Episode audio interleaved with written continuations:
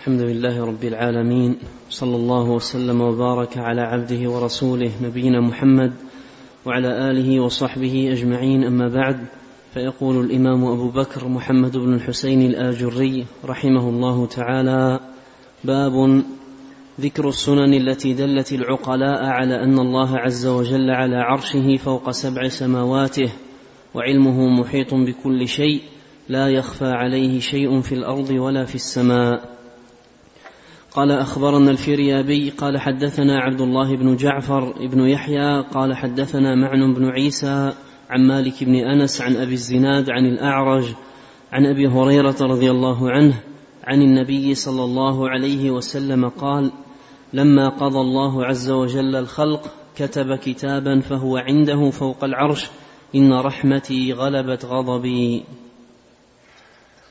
قال وأخبرنا الفريابي قال حدثنا قتيبة بن سعيد قال أخبرنا المغيرة بن عبد الرحمن عن أبي الزناد عن الأعرج عن أبي هريرة رضي الله عنه أن النبي صلى الله عليه وسلم قال لما قضى الله عز وجل الخلق كتب في كتاب فهو عنده فوق العرش إن رحمتي غلبت غضبي قال وحدثنا أبو عبد الله أحمد بن محمد بن شاهين قال حدثنا هارون بن عبد الله البزاز قال حدثنا شبابة يعني ابن سوار عن ورقاء عن أبي الزناد عن الأعرج عن أبي هريرة رضي الله عنه عن النبي صلى الله عليه وسلم قال لما قضى الله عز وجل الخلق كتب في كتاب فهو عنده فوق العرش إن رحمتي غلبت غضبي. بسم الله الرحمن الرحيم. الحمد لله رب العالمين وأشهد أن لا إله إلا الله وحده لا شريك له وأشهد أن محمدا عبده ورسوله صلى الله وسلم عليه وعلى آله وأصحابه أجمعين. اللهم علمنا ما ينفعنا وانفعنا بما علمتنا وزدنا علما وأصلح لنا شأننا كله ولا تكلنا إلى أنفسنا طرفة عين.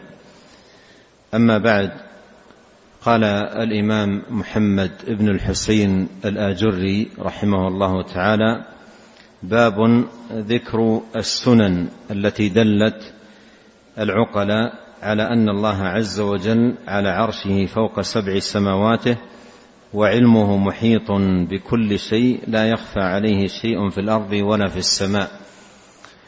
هذه الترجمة عقدها رحمه الله تعالى لسوق الأدلة على علو الله على خلقه وأنه سبحانه وتعالى مستو على عرشه وأنه جل في علاه القاهر فوق عباده العلي الأعلى المتعال وأنه عز وجل قد أحاط بالخلق علما وأحصاهم عددا لا تخفى عليه سبحانه وتعالى خافية في الأرض ولا في السماء. فهو فوق العرش وعلمه في كل مكان مطلع على كل شيء. لا يخفى عليه شيء في الأرض ولا في السماء. فهذه ترجمة عقدها رحمه الله تعالى لسوق الأدلة على ذلك. وبدأ بحديث أبي هريرة رضي الله عنه ساقه من طرق أن النبي صلى الله عليه وسلم قال لما قضى الله عز وجل الخلق كتب كتابا فهو عنده فوق العرش إن رحمتي غلبت غضبي. والشاهد من هذا الحديث للترجمة قول النبي صلى الله عليه وسلم فهو عنده فوق العرش. فهو, في فهو صريح في إثبات الفوقية وأن الله سبحانه وتعالى فوق عرشه المجيد مستو عليه علي جل وعلا. قال فهو عنده فوق العرش فهو عنده فوق العرش. هذا فيه أن الله سبحانه وتعالى فوق العرش مستو على العرش استواء يليق بجلاله وكماله. والعرش هو سقف المخلوقات وأعلاها. الله سبحانه وتعالى وصفه بصفات تدل على عظمة هذا العرش وسعته وكبره وجماله. وصفه بالعرش العظيم والعرش الكريم والعرش المجيد. وجاءت أوصاف في السنة للعرش وأنه سقف المخلوقات وأعلاها. قد قال عليه الصلاة والسلام إذا سألتم الله الجنة فاسألوه الفردوس الأعلى فإنه أعلى الجنة ووسط الجنة وفوقه عرش الرحمن. فعرش الرحمن سبحانه وتعالى هو أعلى المخلوقات وهو سقفها. وقوله في هذا الحديث كتاب كتب كتابا فهو عنده. هذا الكتاب مستثنى من هذا العموم. فهو كتاب كتبه الله سبحانه وتعالى وجعله عنده سبحانه فوق العرش. جعله عنده فوق العرش.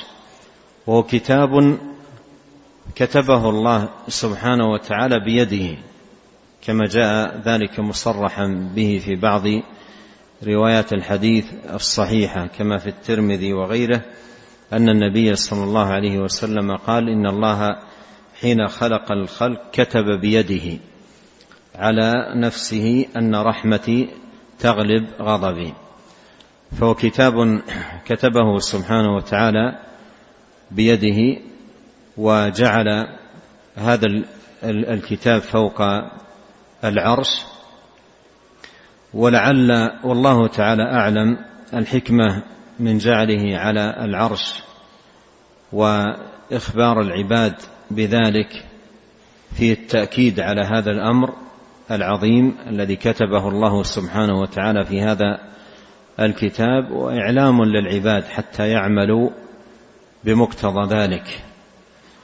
وهذا الحديث من أعظم الأحاديث وأجلها قدرا في باب الرجاء والخوف لأن من يحسن التأمل في هذا الحديث العظيم فإن فيه أعظم المعونة للعبد على تحقيق هذين الأصلين العظيمين اللذين هما من أركان العبادة يرجون رحمته ويخافون عذابه.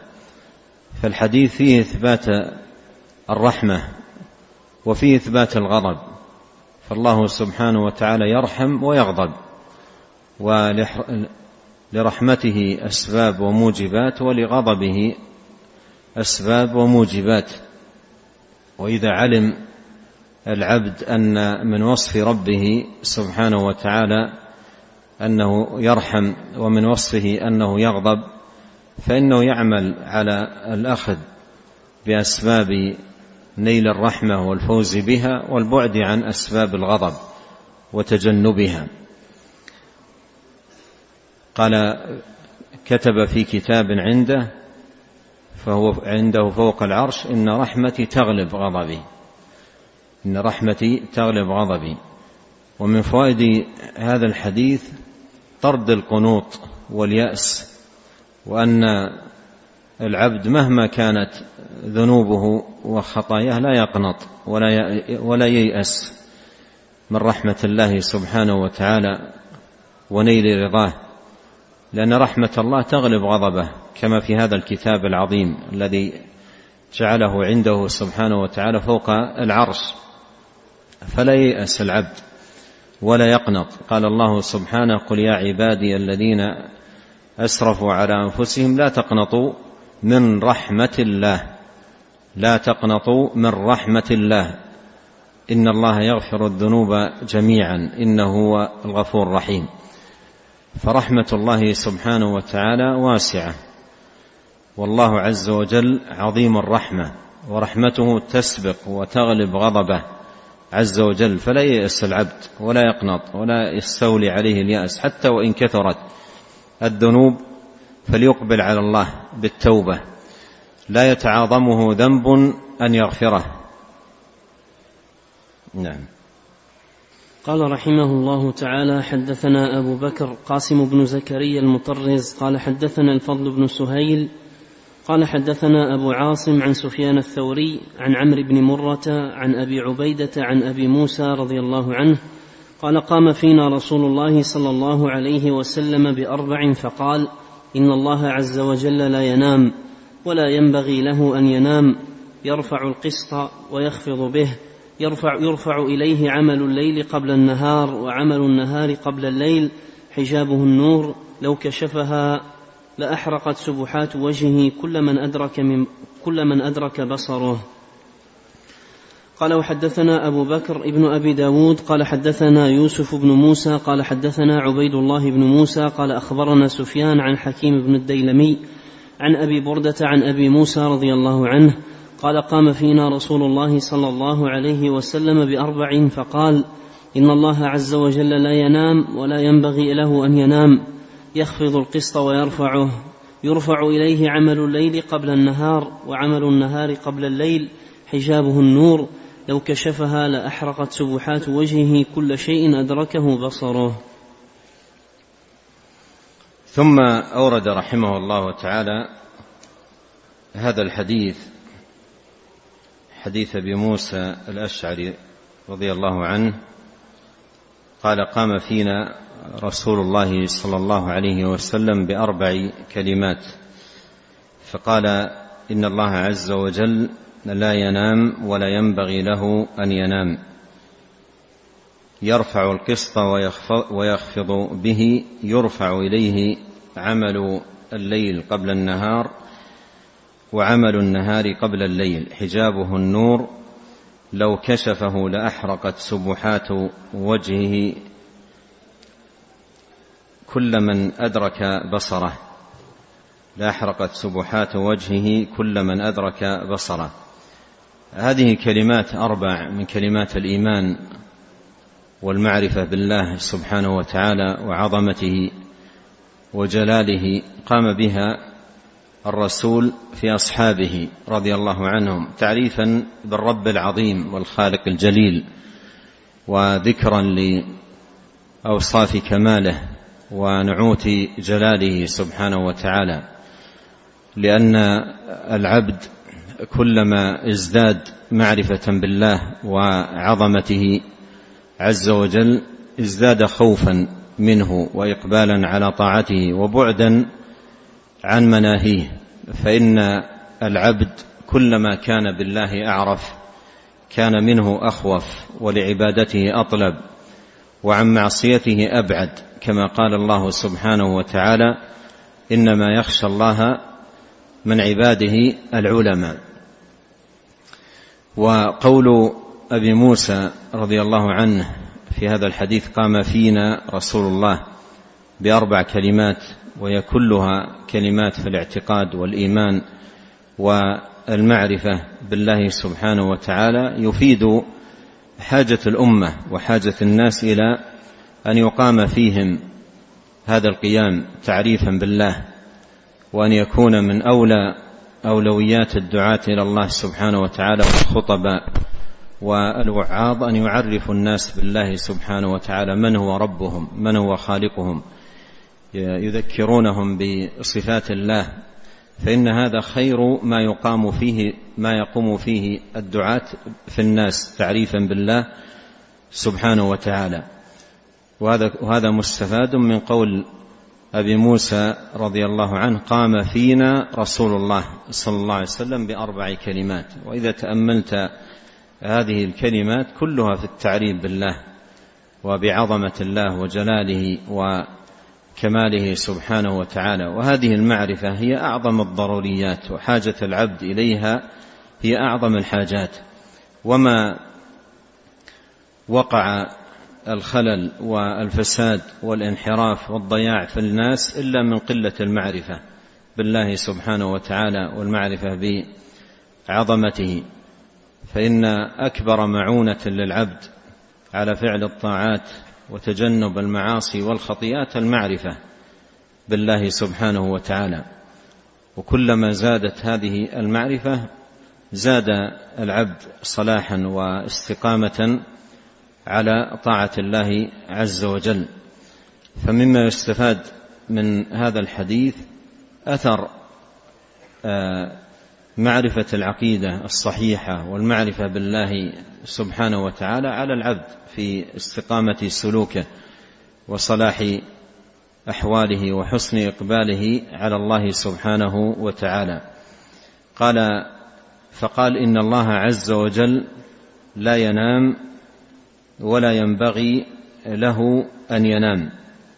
إن الله عز وجل لا ينام ولا ينبغي له أن ينام. هذه الكلمة الأولى من الكلمات الأربع التي قام فيها آه، قام فيها رسول الله صلى الله عليه وسلم أو قام بها في أصحابه صلوات الله وسلامه عليه. إن الله عز وجل لا ينام ولا ينبغي له أن ينام. وهذا من كمال حياته عز وجل وكمال قيوميته كما قال الله سبحانه وتعالى في أعظم آية في القرآن الله لا إله إلا هو الحي القيوم لا تأخذه سنة ولا نوم فمن كمال حياته وكمال قيوميته سبحانه أنه لا ينام ولا ينبغي له أن ينام. وهذا يستفيد منها العبد حسن المعرفة بالله عز وجل وحسن الإقبال على الله وأنه مطلع على العباد لا تخفى عليه خافية منهم يعلم حركاتهم وسكناتهم يدبر شؤونهم وأمورهم في كل لحظة وفي كل وقت وفي كل حين. وأنه مطلع على العباد فالرب الذي يعبدونه والإله الذي يقصدونه ويلجؤون إليه سبحانه وتعالى حي قيوم لا ينام لا تأخذه سنة ولا نوم ولا ينبغي له أن ينام. فهذا آه، باب في المعرفة بالله سبحانه وتعالى وأن وأنه حي حياة كاملة. لا يعتريها نقص. لا يعتريها نقص. والنوم نقص. والله سبحانه وتعالى منزه عن كل نقص. سبحانه وتعالى. منزه عن كل نقص جل في علاه. والنوم يحتاجه الإنسان لضعفه وإعيائه وتعبه. ليعود له نشاطه وتعود له قوته. فهذا من ضعف الإنسان من ضعف الإنسان. ولهذا مما يستفاد من هذا من هذه الكلمة بل الكلمات كلها آه، مما يستفاد منها معرفه براهين التوحيد ودلائله. فالإله الذي يعبد وإليه يلتجا ويقصد هو الحي الذي لا يموت ولا ينام. أما المخلوقات التي من صفتها النقص ومن علاماتها النقص لا تقصد ولا يلتجا إليها لا يلتجا إلا إلى الحي القيوم الذي لا ينام ولا ينبغي له أن ينام سبحانه وتعالى. قال يرفع القسط ويخفض به. وهذه الكلمة الثانية التي قام آه، قام بها في أصحابه صلوات الله وسلامه وبركاته عليه. قال يرفع يرفع القسط ويخفض به. والقسط هو الميزان. القسط هو الميزان ونضع الموازين القسط ليوم القيامة. يرفع القسط ويخفض به. وهذا فيه كمال عدل الله سبحانه وتعالى. فيه كمال عدل الله عز وجل. وأن كل شيء عنده بمقدار. وأنه سبحانه وتعالى لا يظلم أحدا. ولا آه، يكون آه، فيما يلقاه العبد عند ربه لا ظلم ولا هضم لا لا خفض لشيء من حقوقه ولا انتقاص لها ولا أيضا ظلم له. فالله عدل سبحانه وتعالى يرفع القسط ويخفض به. وقيل القسط الرزق. كل يوم هو في شأن يرفع هذا ويخفض هذا ويعز هذا ويذل هذا الأمر أمره والخلق خلقه سبحانه وتعالى. ثم الكلمة الثالثة في هذا الحديث قال يرفع إليه عمل الليل قبل النهار وعمل النهار قبل الليل. وهذه الكلمة الثالثة في هذا الحديث هي موضع الشاهد من سياقة هذا الحديث في الترجمة. ففي هذا دليل على علو الله سبحانه وتعالى على خلقه لأن الرفع لا يكون إلا إلا إلى أعلى يرفع إليه أي إلى الله والرفع لا يكون إلا إلى أعلى. فهذا فيه دليل على علو الله سبحانه وتعالى على خلقه. يرفع إليه عمل الليل قبل النهار وعمل النهار قبل الليل. وهذا فيه أن الأعمال ترفع إلى الله سبحانه وتعالى. عمل الليل يرفع قبل النهار وعمل النهار قبل آه، عمل النهار يرفع قبل الليل. فالأعمال ترفع إلى الله. ومن فوائد هذا من فوائد هذا وفوائد الإيمان به أن العبد يحرص على إصلاح عمله ويحرص آه، أن يمضي أيامه ويمضي لياليه بالعمل الصالح لأن عمل العبد يرفع إلى الله عمله في النهار يرفع إلى الله قبل الليل وعمله في الليل يرفع إلى الله قبل النهار. فالأعمال ترفع إلى الله. وإذا عرف العبد وحسنت معرفته بهذا الأمر وأن أعماله ترفع إلى الله سبحانه وتعالى عمل النهار قبل الليل وعمل الليل قبل النهار كان ذلك معونة للعبد على إصلاح عمله وإقامة نفسه على طاعة الله سبحانه وتعالى. الكلمة الرابعة في هذا الحديث حجابه النور. حجابه النور لو كشفه حجاب النور لو كشفه أو كشفها لأحرقت سبحات وجهه كل من أدرك بصره. في الرواية الأخرى كل شيء أدركه بصره. وبصر الله سبحانه وتعالى مدرك كل المبصرات ومطلع سبحانه وتعالى على كل شيء. ففي هذا أن الحجاب لو كشفه الله سبحانه وتعالى لاحرق هذه المخلوقات. لاحرق هذه المخلوقات فحجابه سبحانه وتعالى النور.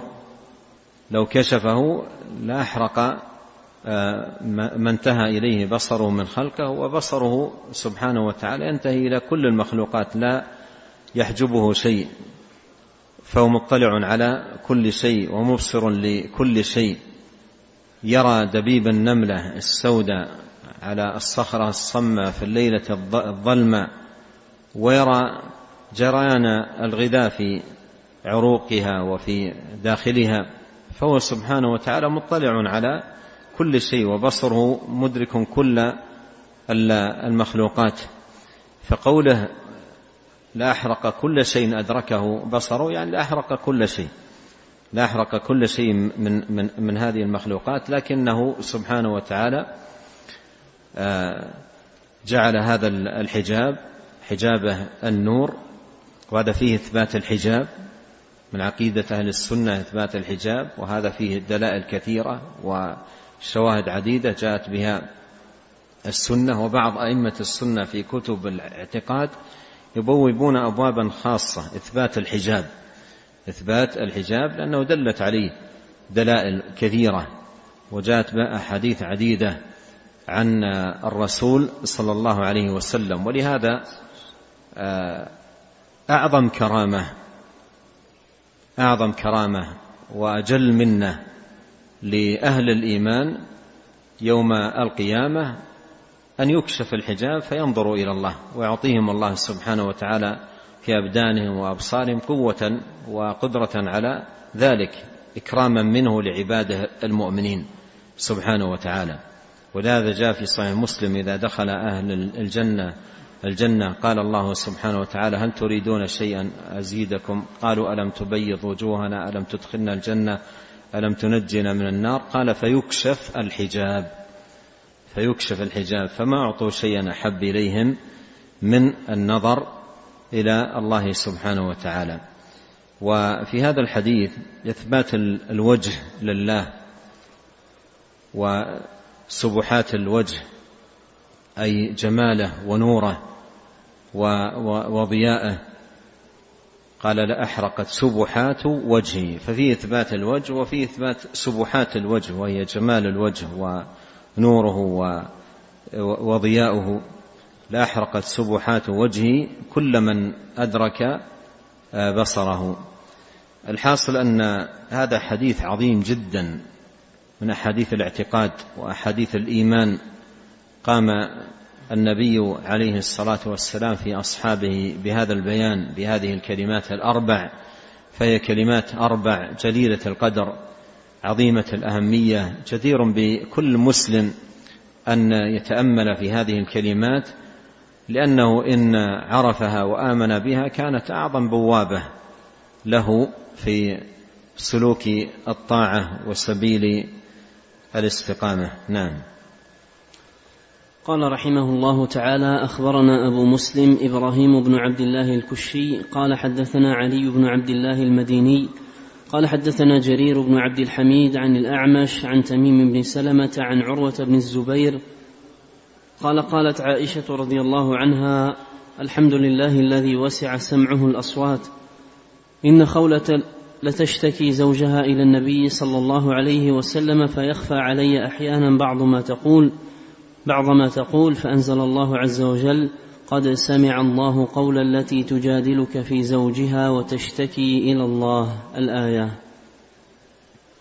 قال حدثنا أبو شعيب عبد الله بن الحسن الحراني قال أخبرنا محمد بن أبان البلخي قال أخبرنا يحيى بن عيسى الرملي عن الأعمش عن تميم بن سلمة عن عروة عن عائشة رضي الله عنها قالت تبارك الذي وسع سمعه الأصوات كلها إن المرأة لتناجي رسول الله صلى الله عليه وسلم أسمع بعض كلامها ويخفى علي بعض.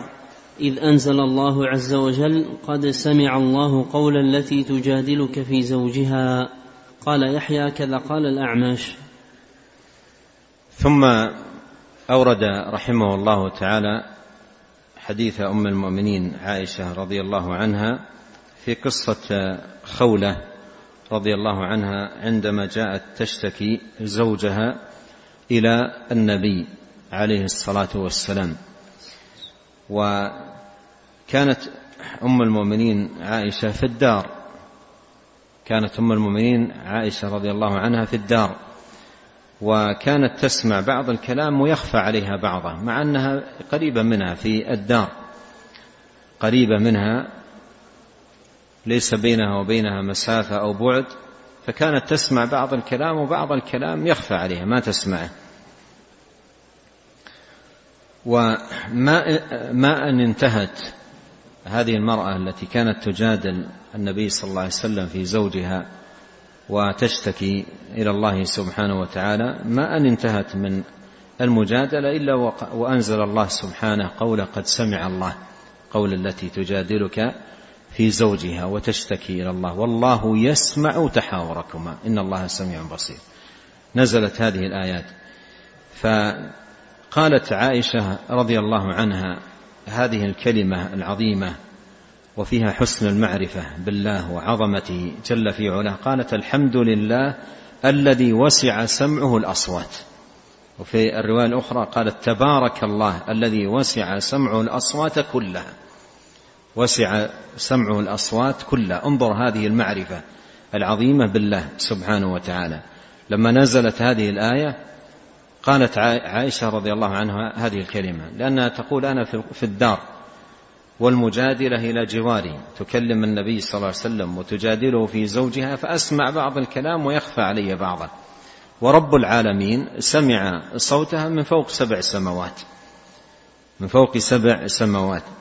وجه دلالة الحديث على العلو وجه دلالة الحديث على العلو في قول عائشة إذ أنزل الله.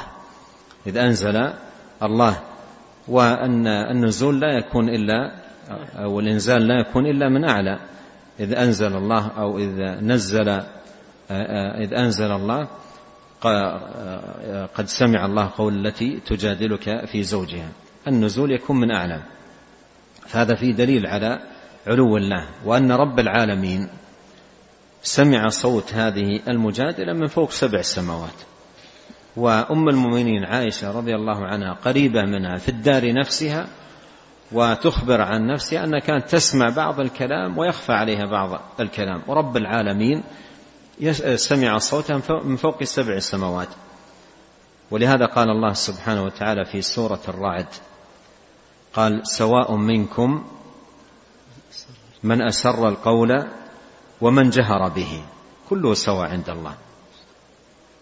سواء منكم من أسر القول ومن جهر به ومن هو مستخف بالليل وسارب بالنهار. الذي يرفع صوته والذي يتكلم مخافته صوت خافت حتى إن كل من عنده لو فتحوا أسماعهم وتنبهوا ليسمعوا ما يقول ما سمعوا شيئا لسمع الله سبحانه وتعالى صوته. فالله وسع سمعه الأصوات كلها. بل لو قام الناس بل لو قام الإنس والجن من زمن آدم إلى أن يرث الله الأرض وما عليها لو قاموا أجمعين في صعيد واحد وتكلموا كل منهم بحاجته في لحظة واحدة في لحظة واحدة لسمع سبحانه وتعالى أصواتهم أجمعين دون أن يختلط عليه صوت بصوت أو لغة بلغة أو حاجة بحاجة. وهذا معنى قول عائشة وسع سمعه الأصوات كلها وسع سمعه الأصوات كلها. ومما يشهد لهذا المعنى حديث أبي ذر الحديث القدسي يا عبادي لو أن أولكم وآخركم وإنسكم وجنكم قاموا في صعيد واحد فسألوني فأعطيت كل واحد مسألته. ما نقص ذلك ملكي شيئا إلا كما ينقص المخيط إذا غمس في اليم أو في البحر. فلو قاموا لا سمعهم أجمعين دون أن يختلط عليه صوت بصوت أو لغة بلغة أو حاجة بحاجة لأنه سبحانه وتعالى آه، وسع سمعه الأصوات كلها. كما قالت أم المؤمنين الحمد لله الذي وسع سمعه آه، الأصوات والشاهد من الحديث للترجمة قولها إذ أنزل الله عز وجل إذ أنزل الله عز وجل فهذا فيه إثبات آه، العلو. وأيضا يعرف بهذا والذي قبله وكذلك الذي قبله وما سيأتي أن العلو أن العلو علو الله دلت عليه في آه، الكتاب والسنة أنواع كثيرة من الأدلة أنواع كثيرة من الأدلة. فرفع العمل إليه هذا دليل على العلو.